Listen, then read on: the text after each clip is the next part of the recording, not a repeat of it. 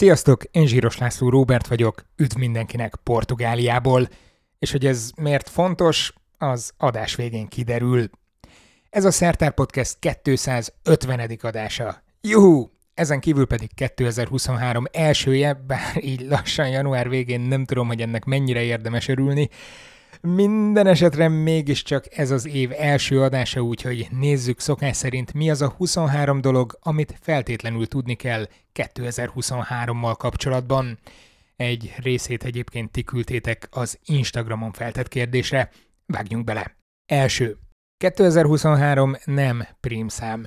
Önmagán és egyen kívül osztató 7-tel, 17-tel, 119-el és 289-el, tehát a 2023 lényegében 7x17 a négyzeten. Csaszi azt tette ehhez hozzá Instagramon, hogy oké, okay, hogy nem prim, viszont felírható az A-szor 10 plusz A a négyzeten alakba, ahol az A és a 10 plusz A is primek. Hát köszönöm, nagyon sok időd lehetett. Kettes. Szintén instás figyelemfelhívás eredménye, hogy a szikek naptárja szerint 555 van, a muszlimok szerint 1444, az a Burbe Kondita szerint, vagyis Róma alapításától számítva 2776. Ahogy ezeket fekcsekeltem, találtam még pár izgi számot, de legyen elég ennyi. Harmadik, az ENSZ honlapja szerint 2023 a párbeszéd, mint a nemzetközi békek garanciája nemzetközi éve van. Ez egy elég nyers fordítása volt annak, hogy International Year of Dialogue as Guarantee of Peace. Öh, hát öh, elhiszem, hogy ezek fontos gesztusok, de bízunk benne, hogy kevesebb fegyveres konfliktus lesz az idén a világban. Hogy erre mutatnak-e a tendenciák, azt nem tudom megítélni, úgyhogy lépjünk túl. Negyedik. A FAO, vagyis az ENSZ élelmezési és mezőgazdasági szervezete szerint 2023 a köles nemzetközi éve, amiben csak az a poén, hogy amikor ezt az összeállítást csináltam, épp ürítettem ki a lakásomat Budapesten, éltem fel minden tartós kaját a Spiceból, és úgy áztattam be kölest felhasználásra, hogy nem is tudtam, hogy ezzel valójában FAO trendi leszek pedig kölest valószínűleg már Mezopotámiában is termeszthettek 6000 éve, meg a kölesek egyébként is fontos gabonafélék sokfelé, például Indiában.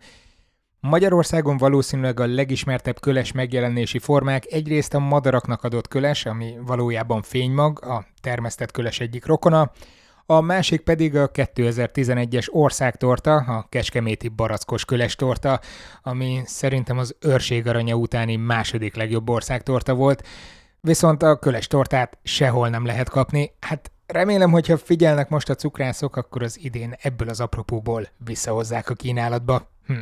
Ötödik. Ha már érintettük az agráriumot, Tamás küldte, hogy érdemes megemlíteni az idén várható események közül, hogy a most épp zöldelő növények le fognak fagyni márciusig. Jaj, hát ez, ez tűpontos észrevétel, bár azt nem tudjuk száz százalékra előrejelezni, hogy valóban lefagynak majd, de esély az van rá és most egy picit előugrik belőle malackó gazda. A korai kitavaszodás valóban okozhat nagyon komoly károkat, főleg azoknál az évelő növényeknél, amelyeknek rövid a nyugalmi ideje. Ezek úgy érzik, hogy tök jó, tavasz van, kihajtanak, aztán nye. Különösen ott jelentkezhetnek problémák, ahol korai virágzás van, láss például a barackot. Persze ez nem jelenti azt, hogy egyöntetően jégcsapkartba dől az anyatermészet az első tavaszi fagyokra, azért nagyon sok növény készült ilyen esetekre az evolúció során. Hatodik. Jöjjenek a neves évfordulók. 500 éve, 1523-ban erdélyi Miksa, vagyis Maximilianus Transilvanus az első, aki a De Molluxis Insulis című munkájában beszámol arról, hogy ember körülhajózta a Földet. Tavaly ilyenkor pont megnéztük, hogy mennyire sikerült ez Magellánnak, minden esetre már csak az erdélyi vonatkozás miatt is ide kívánkozott ez az info. Hetedik. Június 19-én lesz 400 éve, hogy megszületik Pascal, francia matematikus és fizikus, vagy Newton egy, egy méterszer egy méteres négyzetben, nem tudom.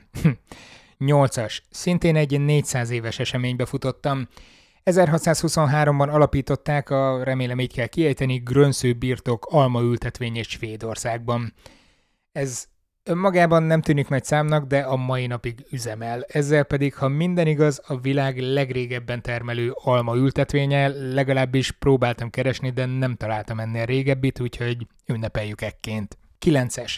300 éve, 1723-ban született Adam Smith skót közgazdász, ezt nehéz kimondani, hogy Adam Smith skót közgazdász, de még nehezebb a kezét észrevenni, mert hogy különös optikai tulajdonságokkal bírt. Tízes. 250 éve, január 17-én éri el James Cook a déli sarkört. Hát kicsit lemaradtam az ünnepléséről, néhány napja volt, de a 8 napban még benne vagyunk. 11-es, 250 éve, Shelley és Priestley egymástól függetlenül először izolálják azt a gázt, amit az egyikük tűzlégnek, másikuk pedig flogisztonmentes levegőnek hívott. Hát mi úgy mondanánk, hogy oxigén. Szerintem ezután a felfedezés után az emberek végre valóban fellélegezhettek. 12-es. 200 éve, ahogy erre Mrskrt is felhívta a figyelmem Instán, Kölcsei megírja a himnuszt. Jó, ez persze elég alap, meg azt is tudjuk, hogy nem 200 éve írta, hanem csak előkotorta valahonnan a magyar nép zivataros századaiból. Kacsint, kacsint. 13-as. Bolyai János is pont az idén 200 éve írta meg az apjának, hogy a semmiből új világot teremtettem. Mondjuk ezt még 9 évig nem publikálta, úgyhogy el tudom majd sütni a 32 dolog 2032-ről adásban is, bár most erősen rémlik, hogy valami bolyaihoz köthető évforduló volt pár éve, de, de hát úgy látszik, hogy a nem euklideszi geometriával együtt járnak ezek a téridőugrások. 14-es kis színes 1873-ban 150 éve fedezte fel a Ferenc József földet az osztrák-magyar északi-sarki expedíció.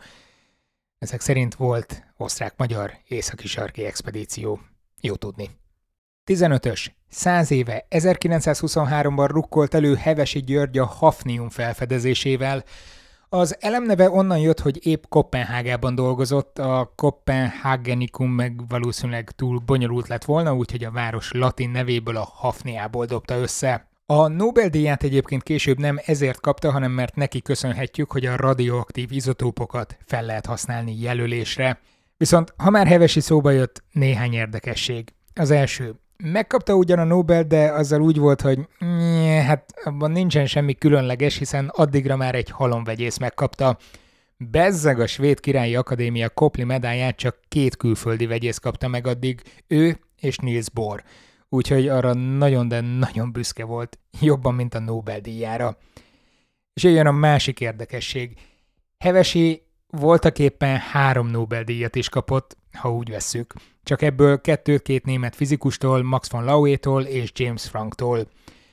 Ők attól tartottak, hogy a nácik elkoboznák az aranyérmeiket, és ezt azért mégsem kénetán, úgyhogy Kopenhágába menekítették őket, nyilván illegálisan, mert aranyat nem volt szabad akkor kijuttatni Németországból. Igen, ám csak, hogy Dánia náci inváziója után szorult körülöttük a hurok. Amíg azon tanakodtak, hogy hova kéne ásni az érmeket, Hevesi szólt, hogy fogjátok meg a söröm, majd behajította a két érmet királyvízbe, hogy feloldja őket, és a löttyöt felrakta a laborjában a polcra a többi vegyszer közé. A háború után aztán visszanyerte belőle az aranyat, a svédek meg voltak olyan jó fejek, hogy újra öntötték belőle az érmeket. Tanulság, ha Nobel-díjat kapsz, mindig legyen otthon királyvíz, ha esetleg jönnének a nácik. Na jó, kicsit elkanyarodtunk. 16-os. 1973-ban 50 éven megalakult az ország első nemzeti parkja, a Hortobágyi. Nyilván tonna számra lehetne még sorolni, hogy mi minden volt még ebben az évben a tudomány és a technika történetében, a Skylab űrállomástól a SETI projekt nagyfüléig, de a túzok nálam mindent visz. És ezzel rá is kanyarodhatunk az év akármilyei szekcióra. Kezdjük is a madarakkal. 17. Az év madara a barkós cinege. Hát, ez a jószág nem tette túl magasra a lécet, nem vándorol, nincsenek két méteres színes fartollai, az énekével sem ihletett meg klasszikus zeneszerzőket, eléggé egy, egy trükkös póni. Egész évben a nádasokban lófrál nádmagot, rovarokat, meg kis csigákat zabálva. Néhány ezer pár fészkel belőlük Magyarországon, ami akár örömteli is lehet így a számot halva, viszont az élőhely visszaszorulásával ez valószínűleg csökkenni fog. És ez, és ez nem jó. Nem csak a barkós színege eltűnése miatt, hanem egyébként sem, de erről nagyon sok szertáradásban volt már szó. 18-as. Az év rovara a közönséges temetőbogár, a Necrophorus Vespilló, adta hírül a Magyar Rovartani Társaság, szédületesen szoros versenyben hagyta maga mögött a homoki hernyó ölő darazsat, a vereségét a harmadik helyet szerző szmirnai fülbemászó is elismerte. Nyerte hát egy 12-22 mm-es, fekete, aranysárga szőrös dögbogár.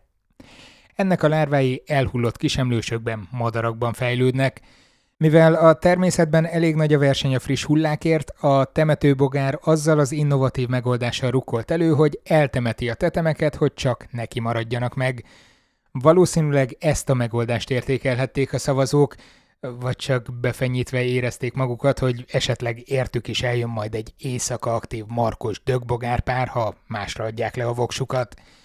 Minden esetre, ha valamelyik magyarországi erdőben jártok, simán összefuthattok vele, jó vele jóban lenni, adjatok neki egy pacsit a győzelemért, csak ne túl erőset, mert összenyomjátok szerencsétlent. 19-es az év talaja, mert hogy most már ilyen is van, a mészlepedékes csernozium, ami azért jó, mert annó vizsgáztam is ebből. A csernozium fekete földet jelent alapból, mert a talajtanosok sosem viszik túlzásba az elnevezéseken való agyalást. Októberben, ha emlékeztek, valamelyik videóban beszéltem nektek a mediterrán terra rosszáról, ami szó szerinti fordításban vörös föld. Szóval annyi, hogy mindig csak más nyelvekre fordítják őket. Egyébként meglepően sokszor ez tényleg így van.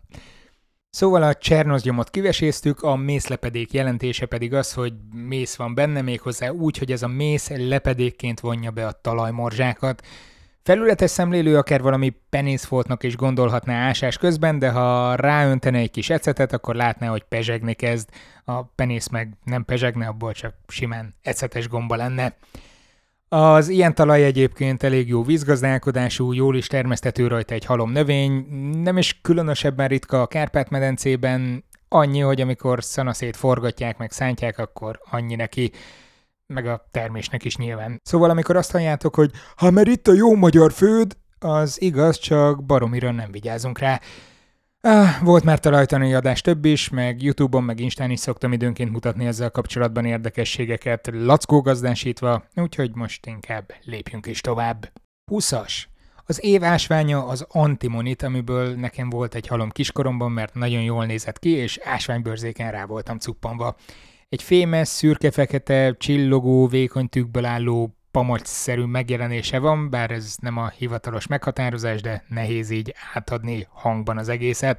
Az antimon érce egyébként, ami a periódusos rendszerben az SB vegyel alatt fut, és valószínűleg senki nem tudja, hogy mi az, és mire való. Azt meg pláne nem, hogy a nyelvújítás korában megpróbálták bevezetni rá a dárdany nevet. Hát ezzel sem lett volna sikeresebb a marketingje szerintem. 21-es nem úgy, mint az év ősmaradványának, a borostyánkőnek. Ezt valószínűleg nem is kell nagyon bemutatni, mert mindenki ismeri, sőt már az ókori görögök is ismerték, vagy legalábbis mindig így szokott kezdődni az a sztori, hogy elektromosságtan már az ókori görögök is felfedezték, hogy a borostyánkövet dörzsölgetve magához vonz pici tárgyakat. Talán annyit érdemes mégiscsak megemlíteni, hogy amit a Jurassic Parkban láttatok, hogy a borostyánba ragadt szúnyogokból vett vérből klónozták a dinókat, amik aztán megették az embereket, de csak a gonoszokat, az full kamu. A Velociraptor szerintem nem válogatna, mindenkit megenne. 22-es. Az Instán valószínűleg nagyon sok perverz ichtofil lézeng, mert az évhalát öten is írtátok, hogy meg ne feledkezzek róla. Öj, édes Istenem, minek vannak halak?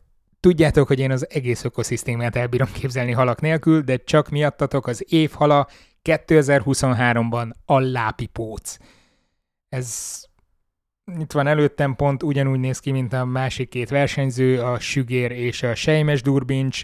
Hát annyi, hogy ez pirosas, a másik kettő meg standard halszínű. Én biztos, hogy a durbincsra szavaztam volna, mert vicces neve van, de, de így jobban belegondolva a póc se olyan rossz pláne ha meg van fázva. Amúgy a halak lehetnek taknyosak?